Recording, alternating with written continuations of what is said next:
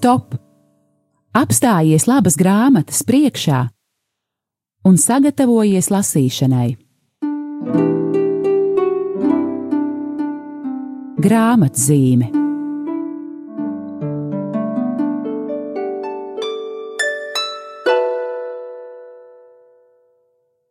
Esiet sveicināti, mīļie klausītāji! Ir kārtējā trešdiena, un jūsu uzmanībai kārtējais raidījums grāmatzīme. Un e, tas ir raidījums, kurā mēs runājam par grāmatām un aicinām jūs ikvienu uzdot sev jautājumu, kad bija pēdējo reizi tas brīnišķīgais brīdis, kad es, kad es atvēru kādu grāmatu un ļāvu, lai tā mani no sirds uzrunā. Mēs ļoti ceram, ka mūsu raidījumi ir tāds iedrošinājums jums paņemt grāmatas un ļauties grāmatu valdzinājumam. Un šodien mēs aicinām ne tikai uz e, grāmatas lasīšanu, bet uz to, lai jauna grāmata jūs no jauna, vai varbūt pirmoreiz ieved lūkšanas pasaulē.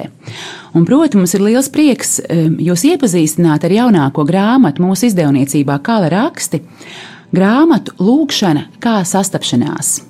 Un šodien studijā esmu es Sāja Baloda no izdevniecības Kala raksti, un man liels prieks, ka mana sarunas biedrene šodien ir Astra Feldmane, šīs grāmatas literārā redaktore Un es arī uzdrošināšos teikt, eh, idejas autore, jo Astriņa tieši tu biji tā, kas um, izcēla šo grāmatu un teica, ir beidzot pienācis īstais brīdis to izdot. Un liels paldies tev par šo pamudinājumu! Nu, ne par ko. Tas tiešām bija sagadīšanās, kas atrada diskati ar iztolkot Anzelam Grīna lūkšanu kā sastapšanās manuskriptu kas bija gulējis deviņus gadus mājās. Es biju aizmirsusi par tādu. Nu, lūk, un uh, izdevās disketu atvērt, izdevās tekstu izlasīt. Un uh, tajā brīdī es sastapu, ka, sapratu, ka šī grāmata ir ārkārtīgi aktuāla. Tieši, tieši tagad, tieši šodien Latvijā, jo šobrīd var manīt, ka cilvēkiem ir pastiprināta interese par lūkšanu, par to, kas tad ir lūkšana, kas ir kristīgā lūkšana. Jā, pilnīgi piekrītu tev, un, un šķiet, ka viena no šīs eh, grāmatas eh, kvalitātēm nenoliedzami ir eh, tās autors, vai ne? Proti, ka grāmatu nav rakstījis cilvēks, kas būtu pētījis lūkšanu no ārpuses, eh, iekrājis zināšanas par lūkšanu, eh, bet gan cilvēks, kas pats ir gājis šajā lūkšanas skolā un, un turpina to darīt. Eh, proti, tēvs Anzāns Grīns ir benediktiešu mūks. Proti, viņš zina, kas ir lūkšana, viņš to pazīst, viņš to praktizē un viņš lūkšanu mīl. Un sāk šo savu grāmatu ievadvārdos sakot, Eh, ka bieži eh, tāds populārs formulējums par lūkšanu ir tas, ka lūkšana ir um, saruna ar Dievu, mana saruna ar Dievu. Un viņš to attīsta, tēvs Ansāms Grīns, sakot, jā, bet te var slēpties um, tādi klupšanas akmeņi, ka mēs sakām, pagaidiet, bet nu, kā tad Dievs man atbildēs? Es zinu, ko nozīmē saruna ar cilvēku, bet ko nozīmē saruna ar Dievu? Un tiesa gan arī par sarunu ar Dievu, protams, ir šī grāmata, bet eh, tēvs Ansāms Grīns eh, sāk izvirzot citu definīciju. Un iedomājieties, cik precīzi viņš saka, lūkšana ir sastapšanās ar Dievu. Tieši tā, jo lai ar Dievu runātu, lai dzirdētu, ko viņš mums saka, un lai mēs varētu viņam ko teikt, viņš vispirms ir jāsastop. Bet kas ir vēl interesantāk, ka lai mēs sastaptu Dievu, mums ir jāsastopas pirms pašiem sevi. Jā, un tas ir tieši tā arī sākas šī grāmata, ka tas ir četri sastapšanās soļi, un pirmais sastapšanās ar sevi. Jā.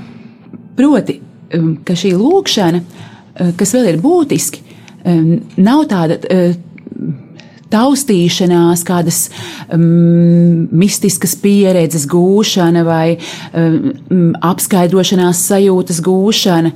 Um, nē, tā ir sastapšanās, un kas sastopas? Sastopas divas personas. Nevis um, es kā persona um, ieeju kādā eh, klusumā, tukšumā, um, kādā jaunā vidē, nē, es sastopos ar personu. Un um, tas man arī ļoti uzrunāja, ka tā ir tāda cieņas pilna sastapšanās, ka arī es, lai stātos Dievu priekšā, man vispirms ir jāsastop sevi, man ir jāsaprot, kas tad es esmu, kas Dievu uzrunās un kas ļaus, lai Dievs uzrunā mani. Un varbūt ieklausīsimies, kā to saka pats autors. Viņš raksta, lai es varētu sastapt Dievu, man jāsastop sevi. Vispirms man jābūt pašam pie sevis. Parasti ar mani tā nenotiek, jo, kad sevi pavēroju, atklāju, ka manas domas joņo šurpu turpu un ka esmu kaut kur kopā ar savām domām, bet ne pie sevis. Man nav saskarsmes ar sevi. Domas man izrauj no sevis un vilina prom kaut kur citur. Nevis es domāju, bet manī notiek domāšana. Domas kļūst patstāvīgas, un tās nosedz manu īsteno es un, un tā tālāk. Un autors mm, runā par to, cik svarīgi, ka tiešām būt šeit un tagad, nevis ļauties tam domu virpulim, vai sajūtu virpulim, vai darbību virpulim, kādā mēs taču tik bieži dzīvojam, vai ne? Jā, un šī sastapšana, tā tad, e, kā tālāk teikts, ir, tā nav ticības psiholoģizēšana, bet gan lūkšanas priekšnoteikums, jo Pazīt sevi nozīmē arī pazīt, kāds tad es esmu tajā vienatnē, kāds tad es palieku. Pazīt to, piemēram, kā man ļoti gribas runāt, man ļoti gribas izteikties, sevi izpaust, pazīt to, ka man ir tendence kaut ko izjust, piedzīvot uz tādu, nu, teiksim, emocionālu kaifa ķeršanu un tā tālāk. Un ja mēs pazīstam sevi arī šajā lūkšanā, redzam, kādas ir mūsu varbūt vājības, tad mēs saprotam, kas, kas būtu ļoti labi, ko mēs darītu. Un ka varbūt mums vienkārši ir jāpaliek mierā, jānomierinās, un mums ir jāļauj sev nomierināties. Tā arī, arī šajā aspektā šī pazīšana. Jā, un ieklausīsimies vēlreiz eh, tēvā Anzelmā, eh, kurš raksta, um, un tad rodas jautājums, kā lai nonāku līdz tam, ka varu patiesi teikt, es. Un viens veids ar vienu no jaunu jautāt, kas es esmu? Un tad pavisam spontāni radīsies atbildes vai priekšstati, un uz katru no šīm atbildēm es atteikšu, nē, tas es neesmu, tā ir tikai daļa no manis. Es neesmu tas, par ko mani uzskata draugi, un neesmu tas, par ko pats sevi uzskatu. Es neesmu tas, ko spēlēju savu paziņu priekšā, un arī ne šī maska, ko uzlieku satiekot svešiniekus. Jo es varu konstatēt, ka baznīcā uzvedos citādi nekā darbā, un ka mājās izturos citādi nekā sabiedrībā. Un es neesmu tas pats, kas manas domas un izjūtas. Un tad mazliet es izlaidīšu un turpināšu tālāk. Mana būtība meklējama ne jau manās iespējās, zināšanās, jūtās bet gan vārdā, kuru Dievs izrunā manī, un kurš tikai manī un ar manu starpniecību var kļūt dzirdams pasaulē. Tātad sastapt pašam sevi nozīmē saņemt kādu apjausmu par šo vienreizīgo dieva vārdu manī.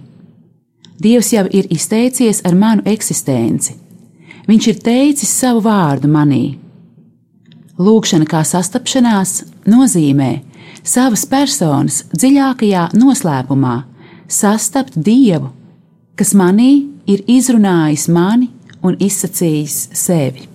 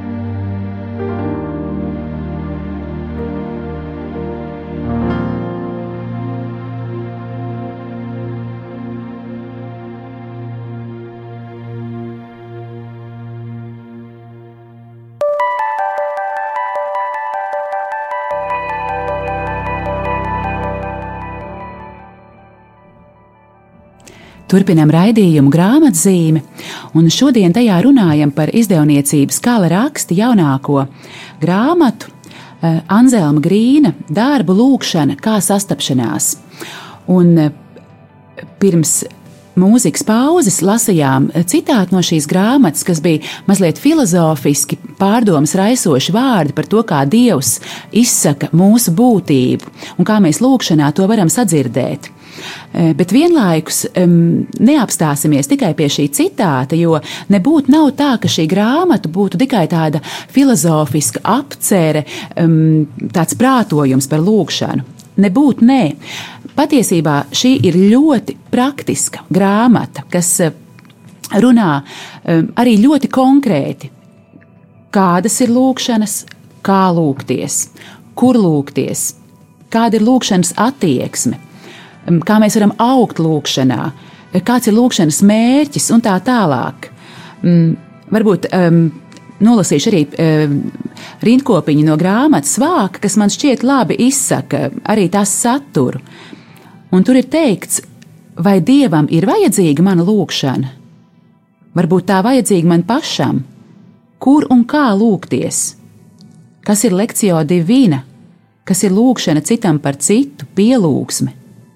Vai Jēzus lūgšana, proti, Kungs Jēzu Kristu dzīvā Dieva dēls, esi man grēciniekam žēlīgs, ir domāta tikai mūkiem? Grāmata sniedz gluži praktisks atbildes uz šiem jautājumiem un padomus, kā veidot savu lūgšanu dzīvi. Tieši tā. Es ļoti labi atceros, kā pirmo reizi piedalījos adorācijā, visvētākā sakramenta adorācijā. Un, uh, es nesapratu, ko, ko, ko lai es tur daru, kas man tagad ir jādara. Un uh, pēc tam, ka man par laimi bija brīnišķīgs garīgais tēvs, uh, un es varēju spēju pārvarēt savu kaunu un viņam pajautāt, ko viņi tur visi dara un kas man ir jādara. Un, uh, es sapratu, ka nemaz nav tik viegli runāt par lūkšanu un pastāstīt, bet lūk šeit, šajā Anzāma Grīna grāmatā, starp citu, ir brīnišķīgi brīnišķīgi stāstīts par adorāciju, par, par šo jēzus, jēzus dzīvās klātbūtnes pielūgsmi. Man liekas, tik tiešām šī ir viena no tādām grāmatām, es nekur citur tā neesmu to tik skaisti lasījusi, kas var ļoti, ļoti palīdzēt cilvēkam. Kas varbūt arī kautrēs ar citiem runāt, jo lūkšana ir ļoti, ļoti intīma lieta. Tā ir kaut kas ļoti personisks. Un, uh, Un tad šī grāmatiņa, es domāju, var palīdzēt cilvēkam. Jā, un e, pilnīgi piekrītu. Un, e, kā piemēram, viens no padomiem, arī, kas gluži tāds, tāds konkrēts, e, Tēvs Ansāms Grīns runā arī par e, lūgšanu citam par citu. Un viņš skaisti arī ar tādu smaidu par to raksta šādi: Lūgties par otru cilvēku nenozīmē tikai formulēt kādu īsu aizlūgumu. Taču jo īpaši tas nenozīmē norādīt dievam, kas viņam šā cilvēka labā būtu jādara. Dažreiz mūsu lūgšana par otru cilvēku drīzāk ir lūgšana pret viņu. Mēs lūdzam Dievu, lai otrs cilvēks beidzot nāk pie prāta, lai beidzot ierauga, ko gribam, Mēs mēģinām manipulēt ar Dievu, lai Viņš piepilda mūsu vēlmes, kādas mums ir attiecībā uz citiem. Taču tad nekāda sastapšanās nevar notikt. Lūgties par otru cilvēku nozīmē to, ka es nostājos viņa priekšā, iejūtos viņā, pēc kā viņš ilgojas, no kā viņš cieš, ko domā un jūt, kad ir viens, kad lūdzas, kas viņam patiešām nāktu par labu Kad brīdi esmu viņā iejuties, es varu lūgt Dievu, lai viņam labpatīk dāvāt šim cilvēkam to, kas tam vajadzīgs, un lai viņam labpatīk šo cilvēku svētīt. Es varu mēģināt novēlēt šim cilvēkam to, kas dara viņam labu, taču drīz jutīšu, ka ar saviem vārdiem vairs netiek uz priekšu. Man prātā vairs nenāk neviens jauns vārds, un tad es varu tikai atkārtot: Kungs, svētī viņu, svētī viņu. Turklāt es nedrīkstu varmācīgi apspiest savas jūtas, taču tad, kad ar vienu no jauna lūkšu, lai kungs šo cilvēku svētī. Šie vārdi pārveidos arī manas jūtas. Es izjutīšu labvēlību pret šo cilvēku. Vispirms jau pazudīs mani aizspriedumi, un es viņu skatīšu citām acīm. Būšu pret viņu taisnīgs, labā nozīmē. Jutīšu ar šo cilvēku iekšēju saikni, un tā rodas attiecības. Man šķiet ļoti skaisti e, šī grāmata iezīmē e, šos vairākos virzienus. Pirmkārt, godīgas attiecības mums ikvienam pašam ar sevi godīgas attiecības ar mūsu Dievu un lūgt caur šādu godīgu lūgšanu, arī skaistas, godīgas, jēgpilnas attiecības citam ar citu. Un pie šiem vārdiem es atceros, ka es pirmo reizi cārlasīju grāmatas maketu. Jā, ka laikam šī ir tā patiesākā lūkšana. Kungs svētī viņu, šo manu mīļo cilvēku, kungs svētī mani, mani pašu, arī es jau īsti nezinu, ko par sevi lūgt. Un tad mēs nonākam, acīm redzot, pie šī klusuma Dievu priekšā, kad mēs ļaujam, lai Dievs pats ar mums runā.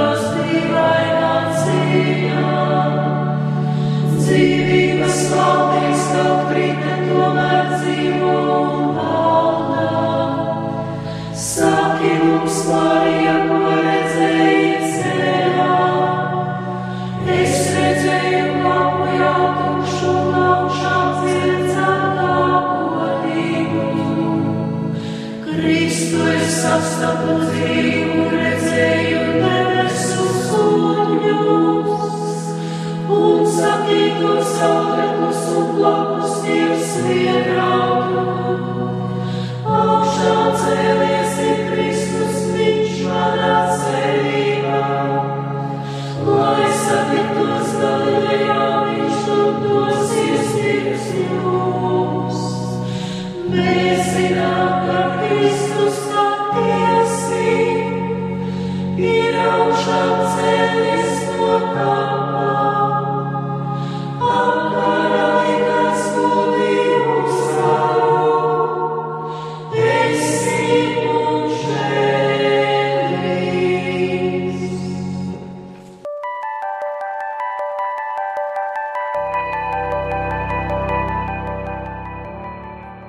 Pēc skaistās eh, lieldienu himnas turpinām raidījumu grāmatzīmi un eh, runājam par grāmatu lūkšanu kā sastapšanās. Un nenoliedzami lūkšana ir līdzeklis, kas ļauj mūsu ticībai augšām celties. Tā kā paldies arī mūzikas eh, operatoram, vai kā šo um, profesiju šeit sauc, kas ievietoja mūsu raidījumu arī šo skaisto lieldienu himnu. Jā, Mēs eh, pirms brīža runājām par to, ka lūkšana tātad šajos dažādajos virzienos, lūkšana kā veids, kā tiek dziedināts mūsu attiecības ar sevi, ar Dievu un ar tuvāko. Un ļaujiet man uh, nolasīt vēl vienu citātu no grāmatas. Tēvs Anzelms saka, ja mums ir drosme Dieva priekšā izteikt un izpaust visu, ko no sevis slēpjam, ko mēs varētu atklāt vien vistuvākajai, mīļotajai personai, tad mūsu dzīve kļūst dziļāka un dzīvāka. No tās pazūd garlaicība un viduvējība.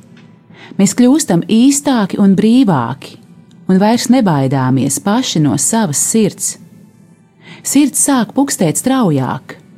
Mēs jūtam, jā, mēs patiešām esam šeit, mēs dzīvojam un dzīvot ir skaisti.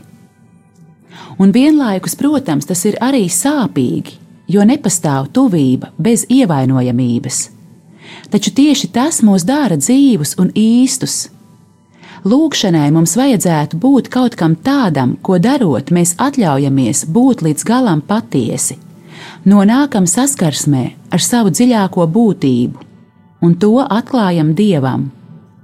Un visa mūsu dzīve no tā tikai iegūs, maskas kritīs, un mums nevajadzēs rūpēties par čaulu ap sevi. Mēs varēsim cilvēkus pielaist sev tuvāk, un iekšēji jutīsim, ko nozīmē būt cilvēkam, ko nozīmē būt sirdī aizkustinātam un uzrunātam, būt dieva mīlestības ievainotam. Šīs mīlestības, kura mūs atslēdz dievam un cilvēkiem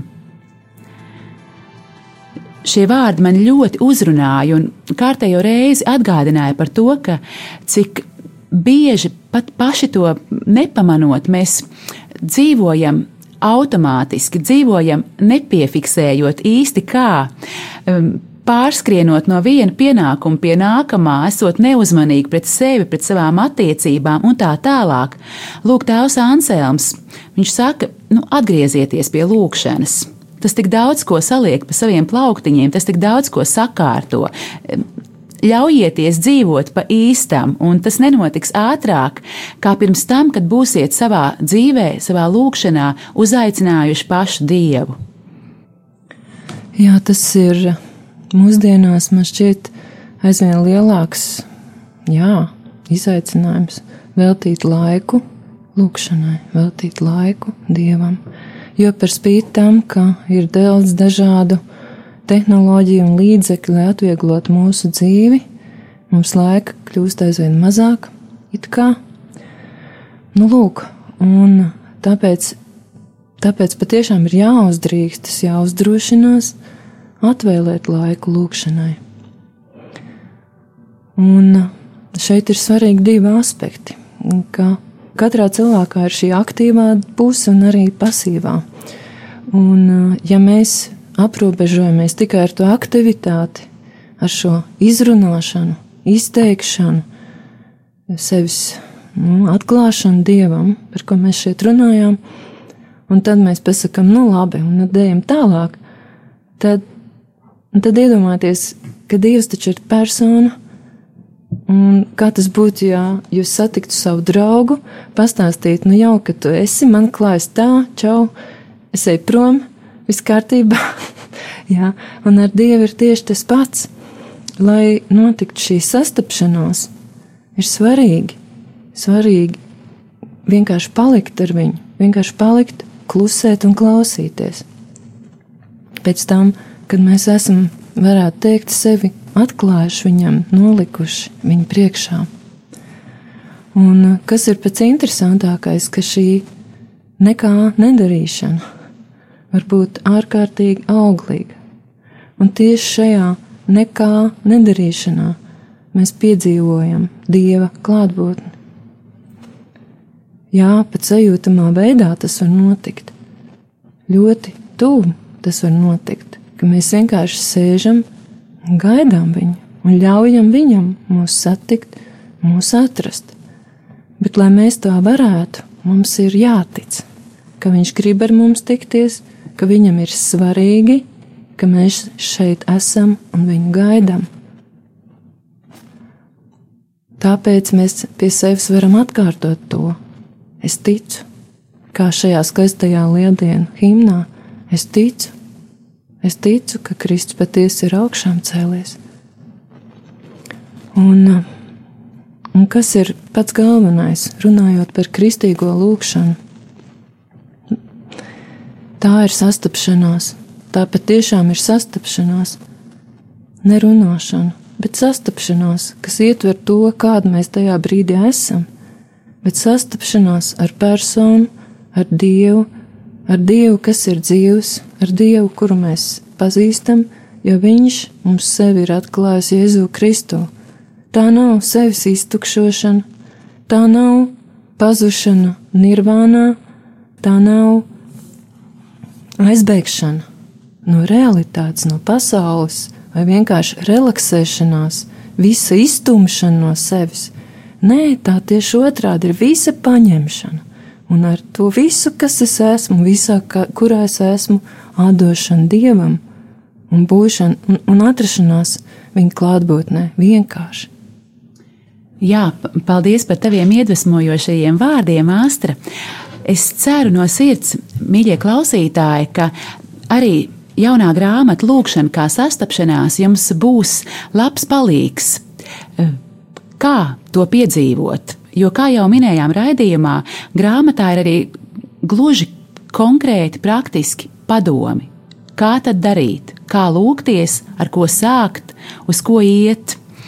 Un visbeidzot, pašā raidījuma izskaņā ļaujiet man nolasīt vēl dažus vārdus no grāmatas, un proti, tēvs Anzelms Grīns saka: Lūkšana tā tad ir ceļš uz mūsu iekšējo dārgumu krātuvi, uz telpu mūsos, kurā mājo pats Dievs.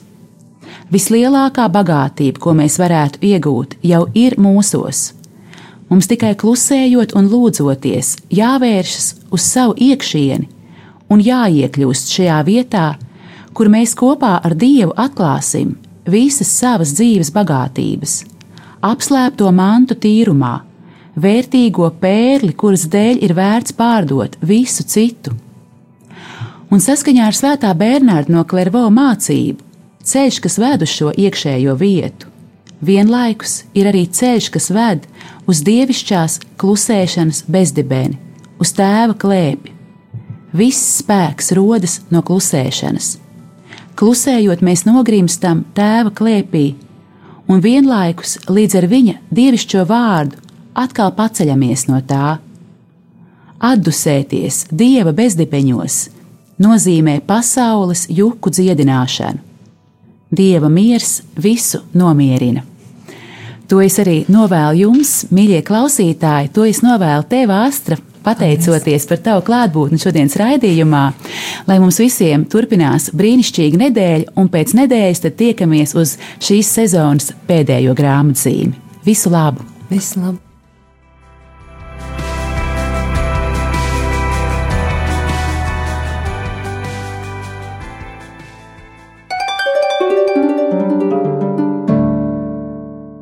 Stop! Apstājies labas grāmatas priekšā un sagatavojies lasīšanai. Grāmatzīme